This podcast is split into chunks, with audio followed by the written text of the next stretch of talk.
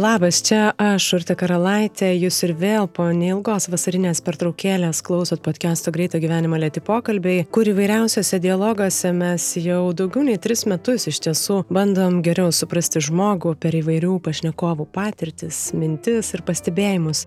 Tikrai gera grįžti po vasaros nuotikių, pasikarstimo olomis ir vėjų galvoje į studiją ir mūsų nesibaigiančius pokalbius. Tiesa, šio epizodo pašnekovę kaip tik ir sutikau e, visai neseniai vieno tokio nuotykio metu ir e, taip, pasirodo, niekad nežinai, koks žingsnis kur gali nuvesti ir ką padėti atrasti. Tai tuo papasakosiu apie tai daugiau.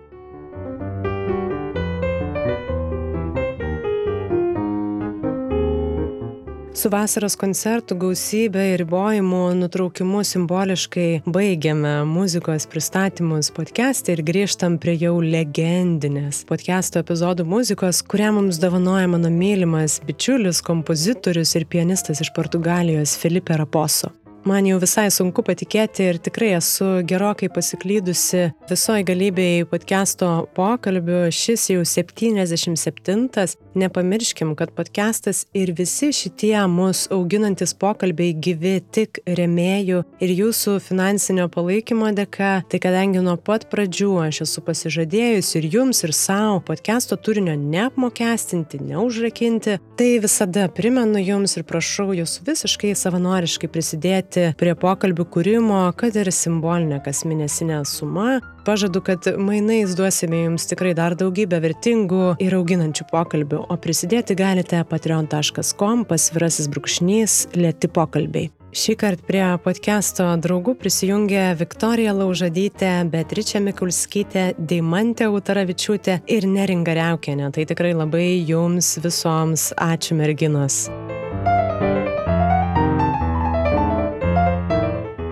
Iš audio knygų platformos audioteka.lt šį kartą ištraukiau Ekartolę dvasinį manifestą Naujoji Žemė kur žinomas tikrai šių laikų autorius kalba apie prabudimą, žmogaus sąmonės virsmą. Knygoje jis nagrinėja pagrindinius ego aspektus ir parodo, kaip jie pasireiškia individualiai ir kolektyviai. Nuorodą į audio knygą rasite epizodo apraše, o su kodu lėti pokalbiai, kaip visada, visoms audioteka.lt knygoms gausite 20 procentų nuolaidą šį kartą iki rugsėjo 22 dienos. Tai nepraleiskite ir pabandykit šitą ar griebkit kokią kitą jums įdomią audio knygą.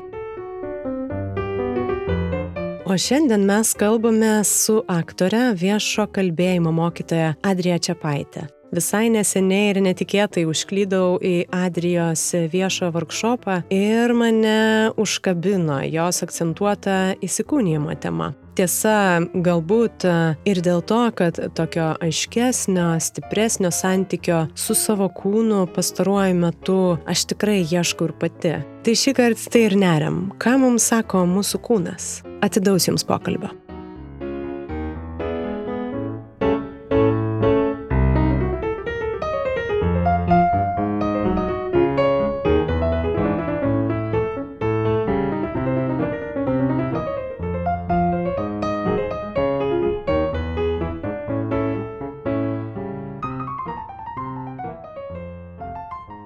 Bandant susipažinti su Adrija ir kiek peržiūrėjau, perskaičiau įvairių interviu, man užkybo ir tas visai akcentuojamas esamasis laikas, e, kas man irgi atrodo labai svarbu, tai gal pradėti norisi tiesiog paklausiant, apie ką dabar yra Adrijos esamasis laikas.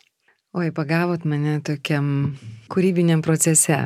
Aš daugybę metų praleidau ieškodama atsakymo į klausimą, kurį, kurio negalėjau suformuluoti. Jeigu taip jau konkrečiau kalbant, tai, na, mano tokia aplinka, aš esu dėstau Lietuvos muzikos ir teatro akademijoje ir turiu galimybę studijuoti, važiuoti, mokyti, mokytis pas įvairius scenos kalbos, retorikos specialistus, pas e, iškiliausius aktorystės mokytojus. Žodžiu, mano galimybės tikrai plačios ir ačiū Lietuvos muzikos ir teatro akademijai už sutiktą šansą. Aš labai daug mokiausi. Bet kur tik aš nenuvažiuodavau, o mano mokytojai buvo tikrai korifėjai.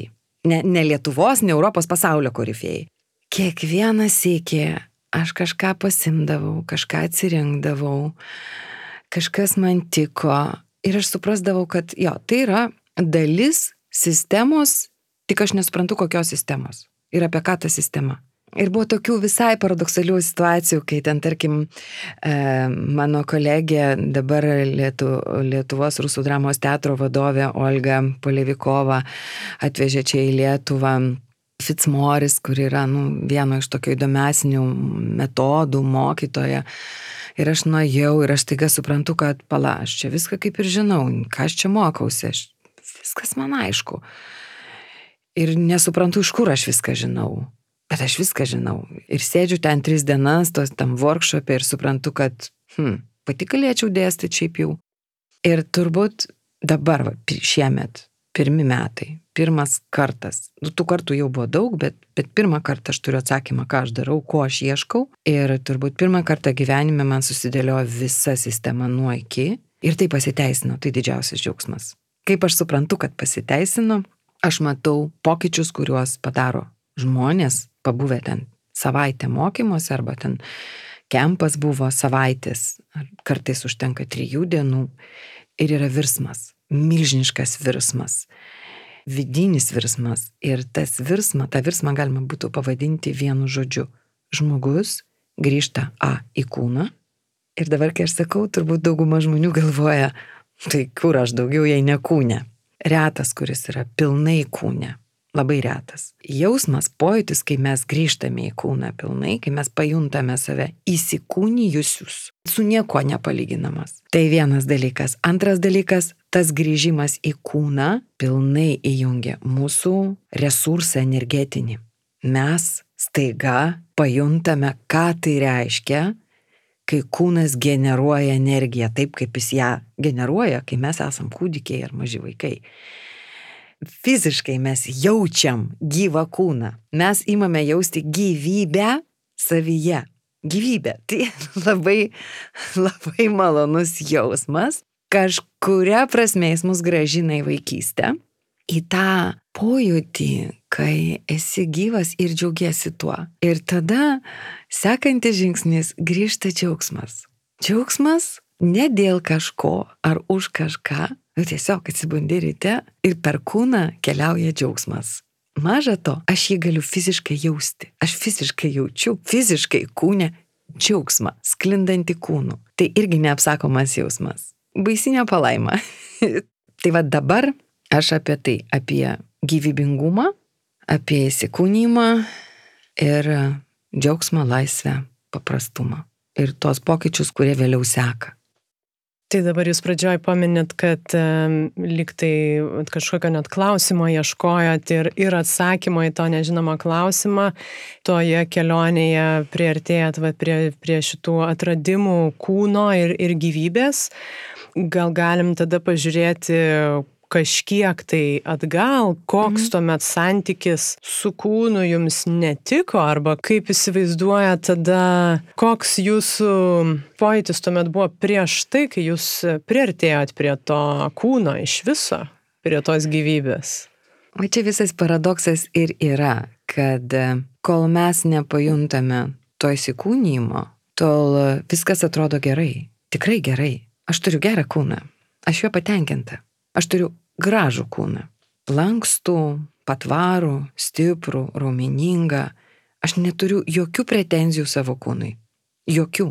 Ir visada maniau, kad šiuo klausimu man labai pasisekė. Aš galiu valgyti, kiek tik tai noriu ir kada noriu. Ir ką noriu. Aš nestorėjau. Turiu gerą metabolizmą. Tokia mano prigimtis.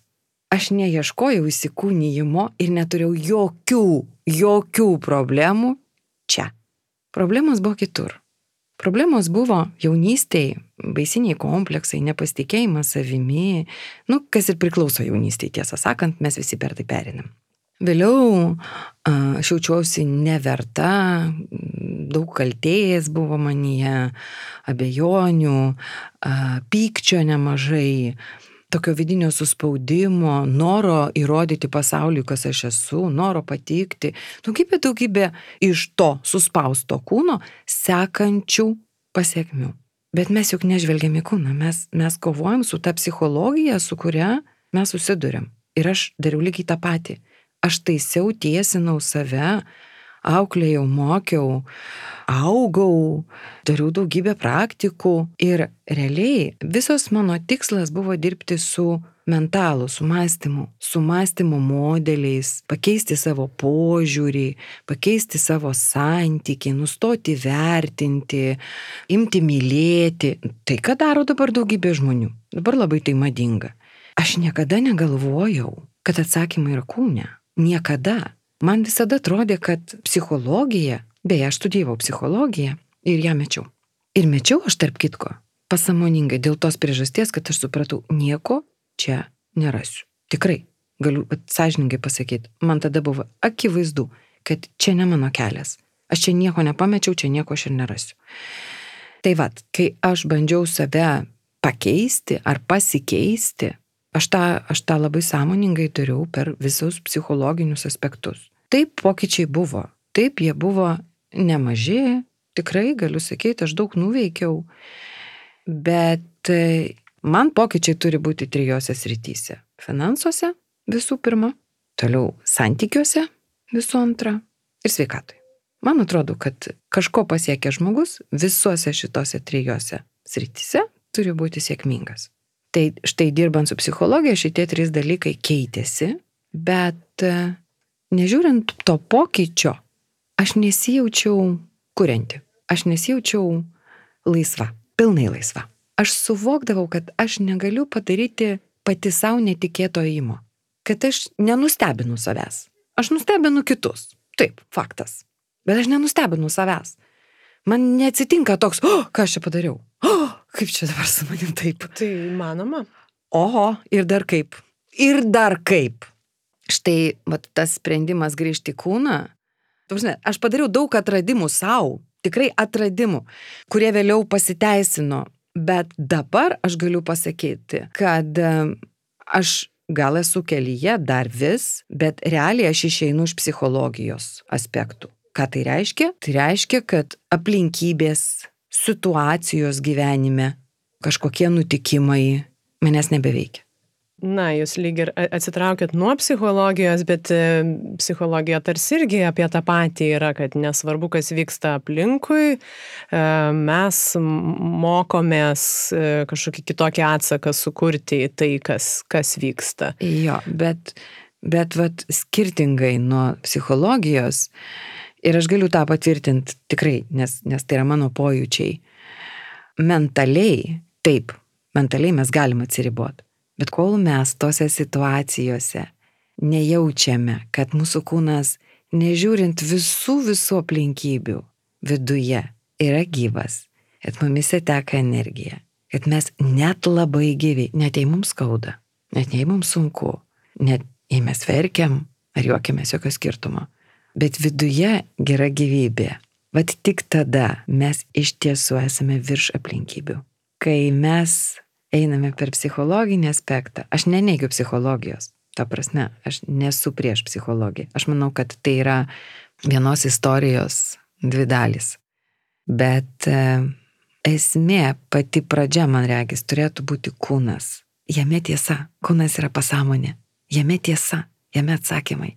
Labai daug kartų gyvenime aš pati išgyvenau tą jausmą, kai aš viską žinau, aš viską suprantu, manęs tai neliečia, viskas man čia faina, viskas gerai, bet kažkaip tai, o nesimiega. Ai, nu čia porą dienų nepamiegojau baisiai čia. Arba, nu, žiūri, viskas man gerai, ne, aš tokia, fa, aš čia galiu ką noriu, bet kažkaip pastoviai skauda galva. Nu, et, ai, kas ta galva. Arba nevirškina. Nu, baisiai čia nevirškina. Nu, ir kas nevirškina, tuplėti išgersiu. A kodėl nevirškina? Ko tu nesuvirškini? Hm? Kas tau ne taip. Kaip tada prieiti prie šitos informacijos? Prie kokios? Na, tai mes dažnai turbūt jaučiam ir ta pati psichosomatika jau lyg ir mum bando paaiškinti, kad taip, kad emocijos kažkur, kažkur kūne nusėda ir kūrė, vad kažkokius dalykus, ką ir jūs minit, galvos skausmus e, ir panašiai. Kaip mum tada suprasti, Kaip jūs tada supratot, ką kažkokie tai pojūčiai Aha. reiškia? Va, čia va ir atsakymas ir yra. Aš nebeklausiu, ką reiškia. Aš nebeklausiu šito klausimo. man nebeįdomu. Aš tiesiog atsisėdu ir darau praktikas, kurios paleidžia. Viskas. Man tas pats. Aš turiu daug praktikos, tikrai, aš, aš daugiau kaip dešimt metų dirbu su žmonėmis ir turiu labai labai daug pavyzdžių, kai ateina žmonės, kurie žino, kas sukėlė įtampą kūne. Jie žino, jie žino istoriją, jie, tarkim, dešimt metų vaikščiojo pas, pas psichologą ar pas psichiatrą, jie turi atsakymus, visus, tik niekas nesikeičia. Žino, kad štai brolis mane užakino sandėliukį ir pralaikė tenai dvi paras, aš ten galvojau, kad mirsiu ir, ir, ir, ir įsijungė visos mano baimės ir taip toliau, ir taip toliau, ir dabar staiga man panikos priepoliai, nes tada brolis mane uždarė sandėliuką.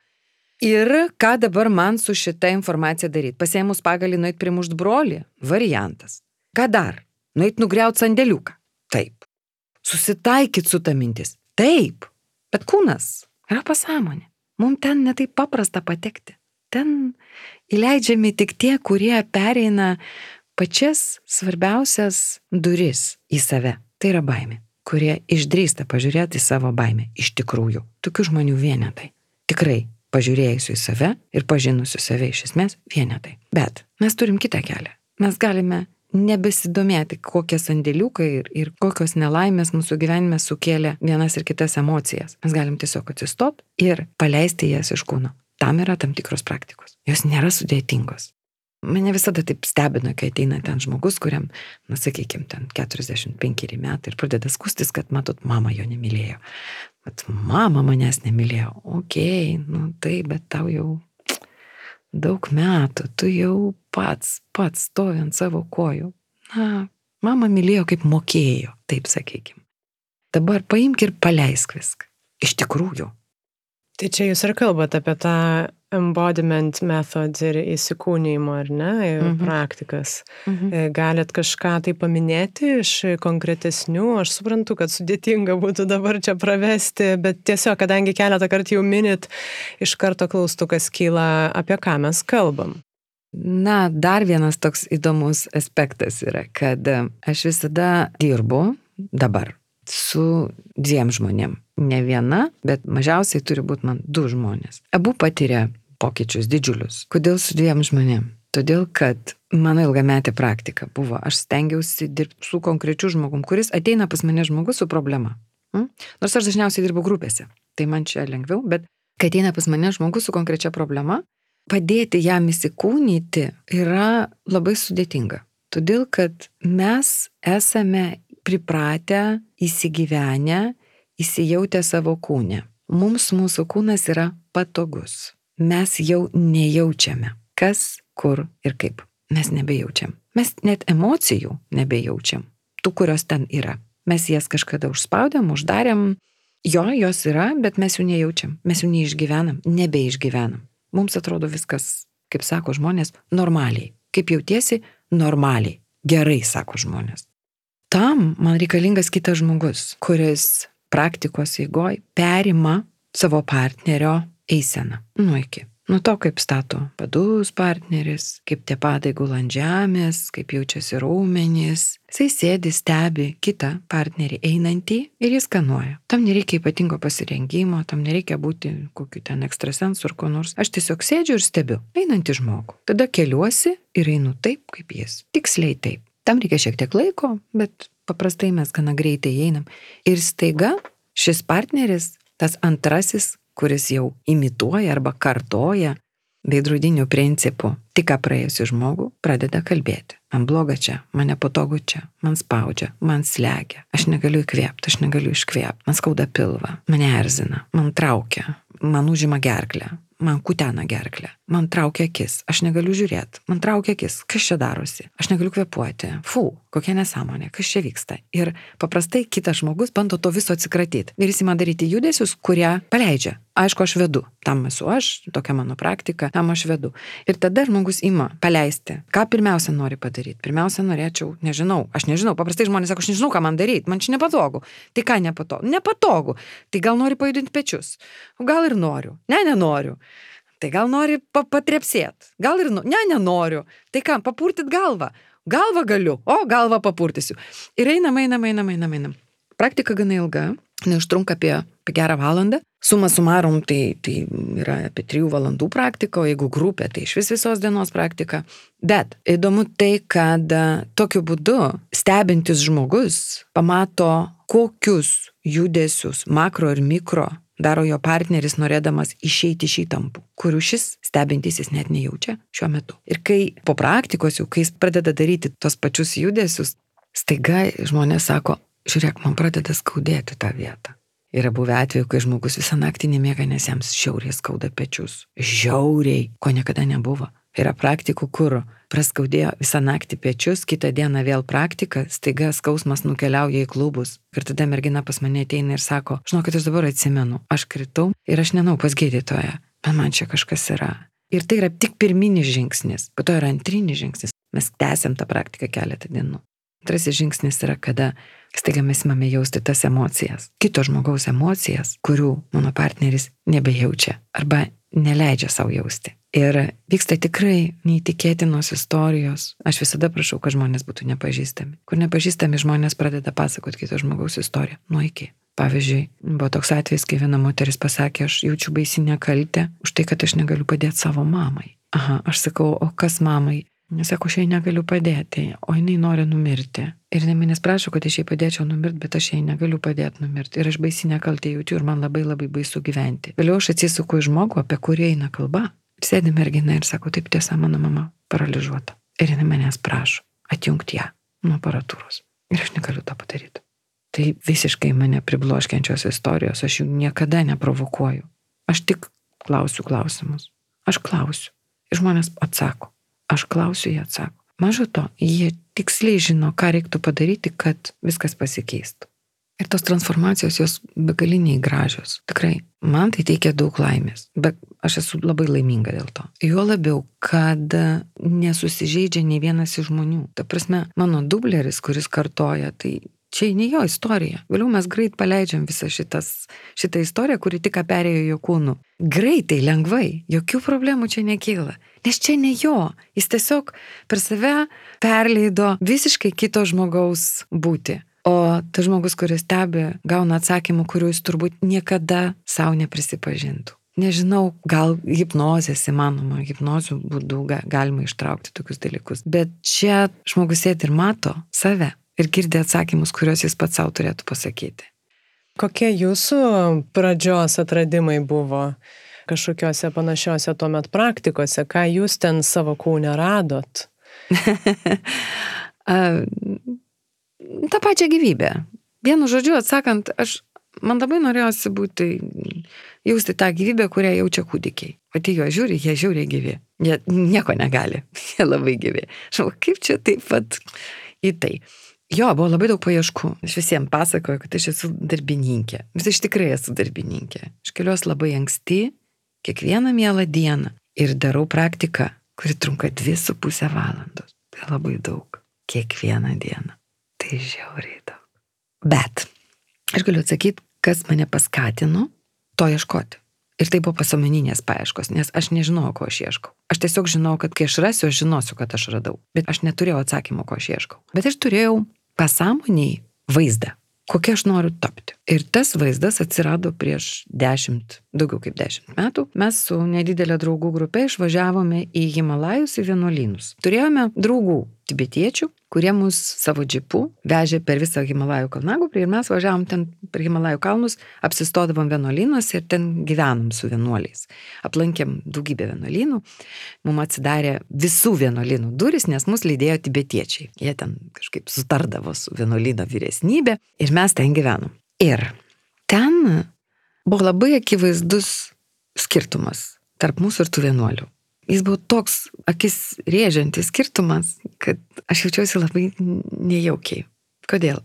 Mes a, vaikščiojom, jie plaukiojo. Aš žiūrėdavau juos ir galvodavau, kaip jie čia taip O ten, ne, nu, tie vienuolynai tokie nėra patogus gyventi, laiptai nelygus, viskas nelygų, ten ištisai už kažko užkliūvių, nugriūni, nu labai nepatogu. Čia ne viešbutis geras, penkių žvaigždučių. O jie plaukioja. Tu prasme, aš nesuprantu, jų kūnai tarsi sliuogia, plaukia, sklendžia, o mes tepsenam. Toliau mes ištisai šipsojomės, nes norėjom būti faini vienuoliams. Jie visai nesišypsojo. Jie šypsojosi akimis, mes burna. Ir nuo jų sklido ramybė, o nuo mūsų erzulys. Kai mes gėdodavom su jais om, jie tęsdavo ir tęsdavo apie minutę tą om, o mes ten po 15 ar 30 sekundžių nu, tekdavo palaukti, kol jie pabaigs, tam pakvepuoti ir prisijungti su sekančiu om. Mums trūko oro, jiemgi ne. Mes visą laiką stengiamės. Jie visai nesistengia. Aš pastebėjau, kad jie yra be galo elegantiški. Jie juda taip gracingai, jeigu jie ima stiklinę, jie ją paima iš vieno karto ir tiksliai. Jeigu jie spaudžia rankeną, jie tiksliai žino, kiek jėgos reikia tai rankenai paspaust. Mes iš trečio karto. Jiems buvo šilta, mums buvo šalta. Mes ten šalom, o jie vaikščiojo taip lengvai apsirengę. Gerai, jūs sakysite, kad jie įpratę tam jie ir vienuoliai. Nesutiksiu. Ne, buvo kažkas kito. Jie valgė mažai, mes valgėm daug. Tiksliau, ne, mes valgėm mažai ir vis laiką trūko. Jie kalbėjo mažai, mes daug. Jie matė mus keurai, mes gėdėjomės.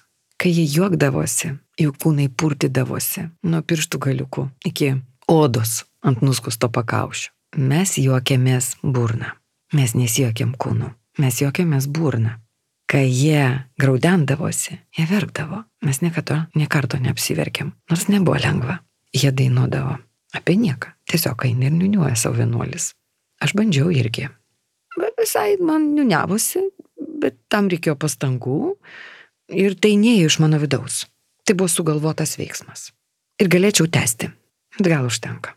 Tai aš turėjau tą vaizdą savyje ir aš žinau, kad tai yra tai. Šitą vaizdą, šitą vienuolio.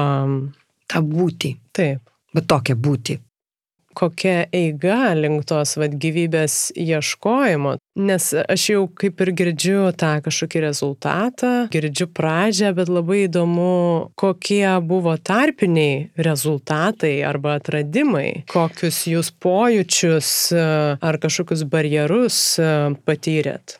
Na, aš tą savo puzlės vaizdelį rinkau iš daug, daug skirtingų technikų. Tarkim, Yra tokia Aleksandrio technika, kur nu, tau mokytojas padeda susistatyti kūną ir aš lankiausi pas vairius mokytojus, kurie man tą parodė visą sistemą ir, ir, ir aš nebaigiau kursų, nes tai yra tikrai ilgas laiko tarpas, bet, bet aš žinojau, kaip man susidėlioti savo kūną pagal Aleksandrio techniką. Ir tą dariau. Tada buvo etapas, kai yra toks Aleksandr Lowen, kuris irgi labai daug apie embodimentą šneka ir, ir yra jo nuostabios knygos, kuriuose daug yra aprašyta apie, apie vidinį tremorą, apie tą vidinį virpį virpesi kūne, kuris paleidžia įtampas ir taip toliau. Tai čia buvo toks paieškų etapas. Toliau daug, daug dėmesio buvo skiriama balsui, nes, nes balsas yra pasąmonės įrankis, balsas nėra sąmonė. Ir kai ateina pas mane, pavyzdžiui, žmonės ir sako, nedarykit įrašo, aš nenoriu girdėti savo balso, vadinasi, žmogus nepriima savęs, savo esybės, savo esmės jis negali priimti. Balsas tai mūsų išraiška garse. To, kas mes esame iš tikrųjų garse. Ir žmogus sako, ne, ne, ne, tik ne tai, na tai jau reikėtų paklausti savęs, kodėl, kodėl aš savęs nepriimu. Tai vėlgi buvo daugybė balso technikų ir, ir, ir kaip sugrįžti į balsą. Balsas visada veda į kūną. Visada. Ir tam, kad susidėlioti su savo balsu, reikia žinoti, kur gyvena balsas kūne, kas blokuoja balsą, kaip atrasti. Tai pirmiausia, ką mes atrandame, atrandame savo pilvą. Laisvą, atpalaiduotą pilvą. Čia moteris visada sako, tai ką aš vaikščiosiu išpūstų pilvų. Welcome. Taip. Pirmiausia, pirma sąlyga grįžimo į kūną yra pilvas. Ne galva, ne plaučiai ir ne širdis, kaip mus moko daugybė meditacijų, o pilvas. Mums reikia išmokti sugrįžti į pilvą pirmiausia, į laisvą atpalaiduotą pilvą. Jame yra didžioji energija. Tik tada, kai mes atpalaiduojam pilvą, yra šansas atpalaiduoti apatinį žandikaulį ir liežuvį.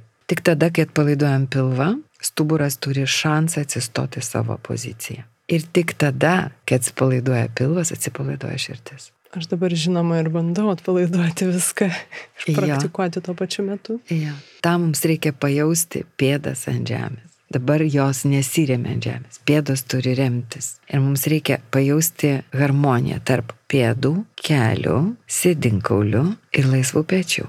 Atpalaiduoti pilvą pilnai, pilnai paleisti pilvą Ir tam reikės įkvėpti per burną. Ir įkvepiant per burną atpalaiduoti apatinį žandikaulį, kad kiekvienas įkvėpimas būtų atpalaidavimas iš serijos. Ir žandikaulis pavažiuoja vos vos atgal į vidų, gilin į kaklą. Tam mums reikia atpalaiduoti liežuvį, vieną stipriausių raumenų mūsų kūne. Jeigu aš kūne, man nėra jokių problemų tai padaryti. Dar yra vienas svarbus aspektas - žvilgsnis. Reikia atpalaiduoti akis. Akis, kai akis įtemptos, pilvas įsitempia. Akis įtemptos tada, kai mes vertinam. Kai mes grožimės, akis laisvos. Noriu truputį prie balso grįžti. Man čia pačiai yra labai e, svarbi tema ir aš e, pati daugybę metų dainuoju ir, ir norėčiau iš tiesų labiau suprasti, kaip tas veikia, nes aš jaučiu, kad e, vėlgi nenoriu kalbėti tikrai ne apie dainavimą, bet būtent apie garsinę išraišką savo kūno ir aš esu susidūrus ir su laisvo balso technikomis. Aš nesuprantu, kas čia vyksta. Aš, aš jaučiu tą jėgą, bet fiziškai aš nesuprantu kodėl. Nežinau, gal jūs galėsit kažkiek iš šitos pusės e, pridurti, kodėl tai A. mus taip stipriai veikia, būtent balsas. Todėl, kad tai tiesa. Kai mes priimame pilnai, priimame savo garsą, kai mes jį išgirstame visų pirma, ir reikia išgirsti, mes labai dažnai nežinome, kaip jisai skamba. Ir kai mes priimame savo balsą, kai mes atsipalaiduojame, kai mes grįžtame į kūną, balse atsiranda daugybė bertonų, daugybė atspalvių. Jis nėra vien tik tai viena natelė. Ir tie obertonai, kurie sklinda, jie tarsi skleidžia žinę, jog aš, ties, aš esu tiesoje, aš nemeluoju. Aš esu tai, kas aš esu. Ir dabar sakau tą, ko aš pati tikiu. Ir tuomet įvyksta pats svarbiausias dalykas gyvenime. Mes imame pirmiausia tikėti savimi. Kai mes pradedame tikėti savimi ir išgyventi save, kiekvieną akimirką jausti save, įvyksta stebuklas. Pasaulis atsisuka į mūsų veidų. Ir čia jūs kalbate turbūt, nes tas tikėjimas savimi dažniausiai siejamas vis tiek su savimi kaip asmenybė. Mm -mm. Tai ne apie tai. Ne, ne asmenybė, o būtis. Tai, kas aš esu pačia tikrąją tų žodžių esmė. Mano kūnas, mano emocijos, mano mentalas. Dar noriu vat, pasakyti vieną dalyką, kad mes sugrįžtame į kūną, vyksta tikrai labai svarbus momentas, vat, norėčiau, kad jis nepraslystų. Sugrįžta energija, sugrįžta gale. Pagaliau mes turime ne jėgos, o mes valdome galę.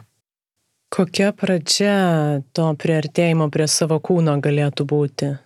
Praktikos. Labai aiškiai matau skirtumą Yra žmonės, kurie yra žinių vartotojai. Jie viską žino, jie viską supranta, jie nieko nedaro. Ir stebisi, kaip čia gyvenimas, žinai, nesikeičia. Ir yra kiti darytojai, veikėjai, kurie žino turbūt tūkstantį kartų mažiau nei tie žinotojai, bet viską daro. Ir turi fantastiškus rezultatus. Fantastiškus. Bet ir va, viskas, skirtumas. Reikia daryti. Mes kiekvieną dieną valgom, Ar ne? Ir kiekvieną dieną einam į tualetą. Iš esmės mes kiekvieną dieną turim pavalgyti, padirbėti, pamiegoti, palsėti, pasimokyti, nu ir taip toliau, ir taip toliau. Nėra kūnui tokios dienos, kai jisai ko nors nevalgo. Mūsų širdis nesustoja plakus, mes nesustojame kvepuoti. Tiesa? Kaunas veikia visą laiką. Vadinasi, mes, norėdami būti gyvi, turime kiekvieną dieną, aš neskau po 2,5 valandos kaip aš, ne, ne, ne, bet kiekvieną dieną skirti tam dėmesio. Atrasti savo sistemą, savo praktiką, savo kelią. Taip, aš duodu žmonėm visą kompleksą. Ir niekada, niekada nesu pasiūlysiu daryti visko. Niekada. Išsirenki tai, kas tuo metu yra svarbu. Ir keliauju savo keliu. Atsiveria vienos durys, kitos, po to tos praktikos, aišku, keičiasi, atsiranda kitos, dar kitos, bet pradžia visada yra judesys, veiksmas. Energija yra veiksmas. Kas yra energija? Visi čia tik daug šneka apie tą energiją, energija, tai madinga pasidarė. Bet kas tai yra? Tai yra veiksmas. Kaip suprasti, ar turiu energijos? Grįžau už darbą ir noriu eiti šokti? Yra energijos. Grįžau už darbą ir noriu eiti mėgoti? Nėra. Atsikėliau ryte ir noriu eiti gyventi? Yra. Atsikėliau ryte ir noriu grįžti į lovą? Nėra. Viskas. Neatsikėliau ryte. Neatsikėliau ryte. Dar truputį noriu tada apjungti kitas, net ne kitas įrankis, irgi susijęs, e, apie kurį jūs kalbat ir su kuriuo dirbat, yra kalba. Ir jūs prieš tai paminėjot e, vienuolių tuose e, portretuose būtent tylą. Mm. Pauzės, tą poreikį, kiek įmanoma ilgiau tylėti, kokią to svarbą jūs matot? Tai yra pats didžiausias gyvenimo malonumas. Man, pavyzdžiui. Aš kažkaip svajoju, kad reikia surenkti vieną dieną stovyklą, kur žmonės kalbėsis tik akimis. Tai labai nesudėtinga, tiesą sakant. Tik akimis, mimika, gestais. Mes tai mokame, mes tai galime, mes taip šnekame su kūdikiais. Mes suprantame, suvokiame tik tyloje. Mes tik tyloje grįžtame į save. Mes labai bijom tylos. Mes patologiškai, patologiškai jos bijom. Mes patologiškai bijom neveikimo. Mes rūkom kad būtų veiksmas.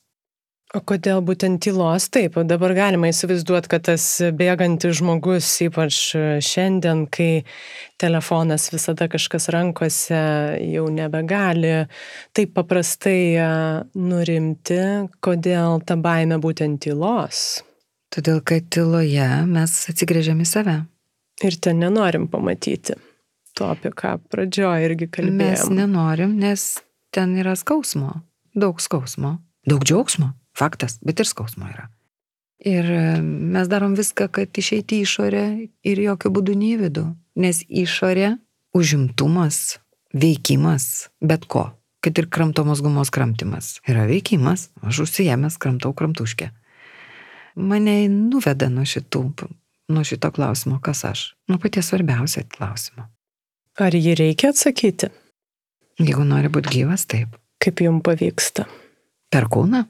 Kūnas man parodo, kas aš esu. Aš tik taip gaunu atsakymus. Per kūną. Kūnas man, man tiek atsakymų yra davęs gyvenime, kiek. Ne viena knyga man nėra davusi tiek atsakymų, kiek man davė kūnas.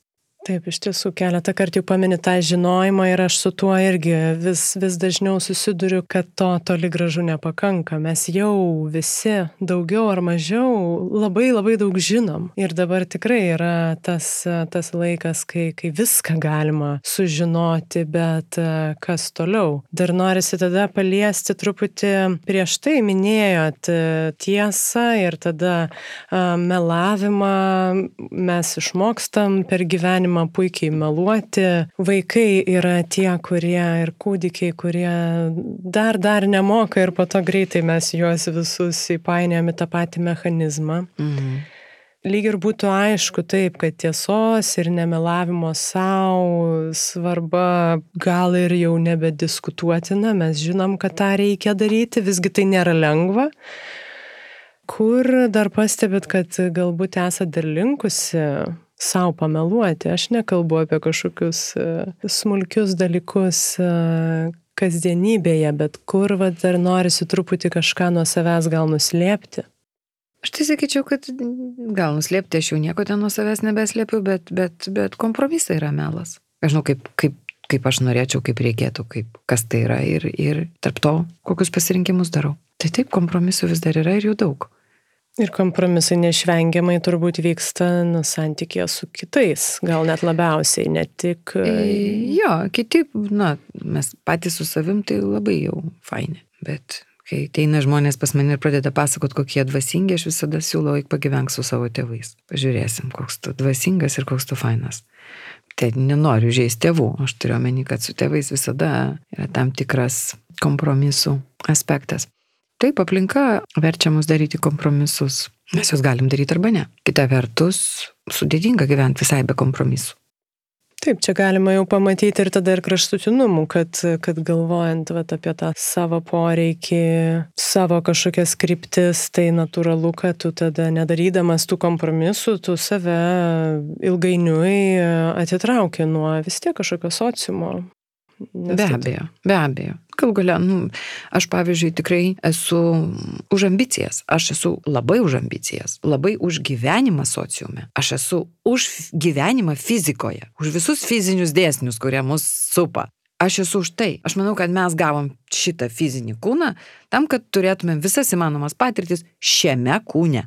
Kad mes pasiektumėm aukštumų savo karjeroj, išmoktumėm gyventi sociume, būtumėm linksmi, laimingi, skaniai valgytumėm, gerai miegotumėm, kad mes mokėtumėm susirasti draugų ir draugauti, mokėtumėm duoti ir imti, kad mūsų gyvenime būtų daug sodrių spalvų, ne kažkokio skraidančio, medituojančio ten angelėlio, o tokios, nu, sodros, kur viskas viename aš esu tokia gal, nu, keista mokytoja pas mane, vad kartais ateina žmonės ir sako, kad jie yra labai geri, jie vad tokie dvasingi, jie ten skraido debesyse, jie negali sustoti šipsotis. Tai taip ir noris pasakyti veidą, bulšitas. Nu, neskiesk tu man į akis. Neskiesk, tu negali būti vien baltas. Negali. Jei norit, iškirpkite tai, ką dabar pasakysiu, bet, bet nuėję į tualetą, pauostykit, ką ten palikot. Ir suprasit, kad jūs nesat angelėliai debesyse, jūs nesate, jūs gyvi žmonės su virškinimu sistema. Jūs, jums reikia sekso, jums reikia papykti, pasidžiaugti, susitaikyti. Taip, tai gyvenimas. Aš ne apie tai, kad atsisakykime visko ir būkime balti popieriaus lapai išskrydę į dangų. Ui, ne, ne, ne, ne. Ir čia tada irgi turbūt e, prieštarauja tikrai yra tokių ir mokymų, kurie e, skatina tik tai pozityviai viską matyti, pozityviai elgtis, kalbėti. Kaip tuomet jūs į tai žiūrit? Mes gyvename duoliame pasaulyje. Yra naktis ir yra diena. Yra balta, ir yra juoda. Yra šilta, yra šalta. Mes nesuprasime, kas yra geris, nesupratę, kas yra blogis. Mes nesuprasime, kas yra džiaugsmas, jeigu atsisakysime skausmo. Neįmanoma patirti džiaugsmo atsisakius skausmo. Galima apsimesti, kad nejauti skausmo, ką mes ir darome. Bet tai nekelias. Mano galva, tai nekelias. Kelias yra išmokti eiti per visą tai šimtų procentų. Ir kai skauda, gyventi tame skausme, išgyventi jį, išskaudėti, išsibliauti, išsipykti, susirinkti ir eiti toliau toks gyvenimas, toks mums duotas, šitoj žemėje toks. Bet mes galim išmokti nesugriūti į gabalėlius. Pas mane ateina žmonės ir dažniausia frazė, kuri dabar šiuo metu skamba, gal galėtumėte surinkti mane iš gabalų. Nereikia skilti gabalus. Skamba keistai, bet labai dažnai išgirčiu šitą frazę. Taip, aš manau, mane. kad e, esam vienaip ar kitaip patyrę tikrai dauguma, ką tai reiškia. Ir patys po to bandom susirinkti arba ieškom pagalbos. Niekas negali mūsų surinkti iš gabalų, tik mes patys. Taip, dėl šito tikrai visiškai sutinku. Asistavimas ir tam tikras, kaip čia, gaidinimas gali padėti. Taip, kažkas turi ateiti, atidaryti duris ir parodyti tau kelią. Galima susirasti pačiam, bet tai užtrunka daug laiko. Sprendimo klausimas. Galima ieškoti pačiam. Kodėlgi ne? Bet jeigu yra kažkas, kuo mes tikime, tai mes galime eiti pas tą žmogų ir sakyti, žiūrėk, parodyk man kelią. Toliau aš eisiu pati pats, bet parodyk man kelią. Tu nuėjai, tau pavyko, o aš irgi noriu. Parodyk kaip, kodėl tai, kodėl tai, kodėl tai, kodėl tai. O toliau pakeliauji pats. Dėkui, Adrija. Manau, tuo priminimu priimti tą realybę, o ne ieškoti kažkokio rojaus e, su žydrais vienaragiais, kuris e, tik tai Instagramuose ir fantazijose egzistuoja, man atrodo, svarbus priminimas. Tai dėkui. Ačiū, ačiū Jums už tai.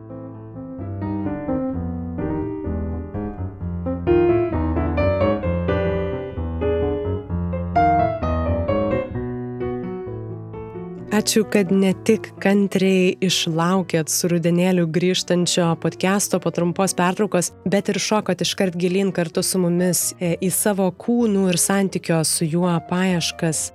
Man tikrai užstrigo Adrijos mintis apie priežasčių ieškojimą. Gal tikrai jau laikas priimti ir paleisti tai, ką per visus ieškojimus ir kapstimus radome ir nustoti, kapstytis ten, kur jau seniai nebesame esamajame laike. Primenu, kad visus 77 podcast'o pokalbius visada rasit Spotify, iTunes 15 min klausyk, kitose programėlėse bei karalaitė.com pasvirasis brūkšnys podcastas. Epizodai išeina kas antrą trečiadienį, o jų niekada nepraleisite sekdami podcastą Instagram ir Facebook paskyrose arba audio platformose. Podcast'o kūrimą dalinai finansuoja spaudos, radio ir televizijos remimo fondas ir daugybė jūsų prisidedančių Patreon platformoje. Jūsų prisidėjimas podcast'o gyvybei ir testinumui tikrai labai yra reikalingas, tai jei tik galite, prisidėkit bent simboliškai patreon.com pasvirasis brūkšnys lėti pokalbiai. Podcast'o draugai Vilniaus universiteto radio stotis Start FM ir portalas 15 minučių. Kaip ir kas kart, podcast'e Greito gyvenimo lėti pokalbiai su jumis buvau aš, Urte Karalaitė, o šį kartą kalbėjome su aktore viešo kalbėjimo mokytoja Adrija Čiapaitė. Nebežinau, kiek kartų jau to esu linkėjusi, bet šį kartą ir vėl labai tinka. Tai mylėkim ir priimkim realybę. Jis visokia yra ir bus, ir jos neigimas ar slėpimasis nuo jos tikrai, man atrodo, neišeitis. Iki kitų kartų.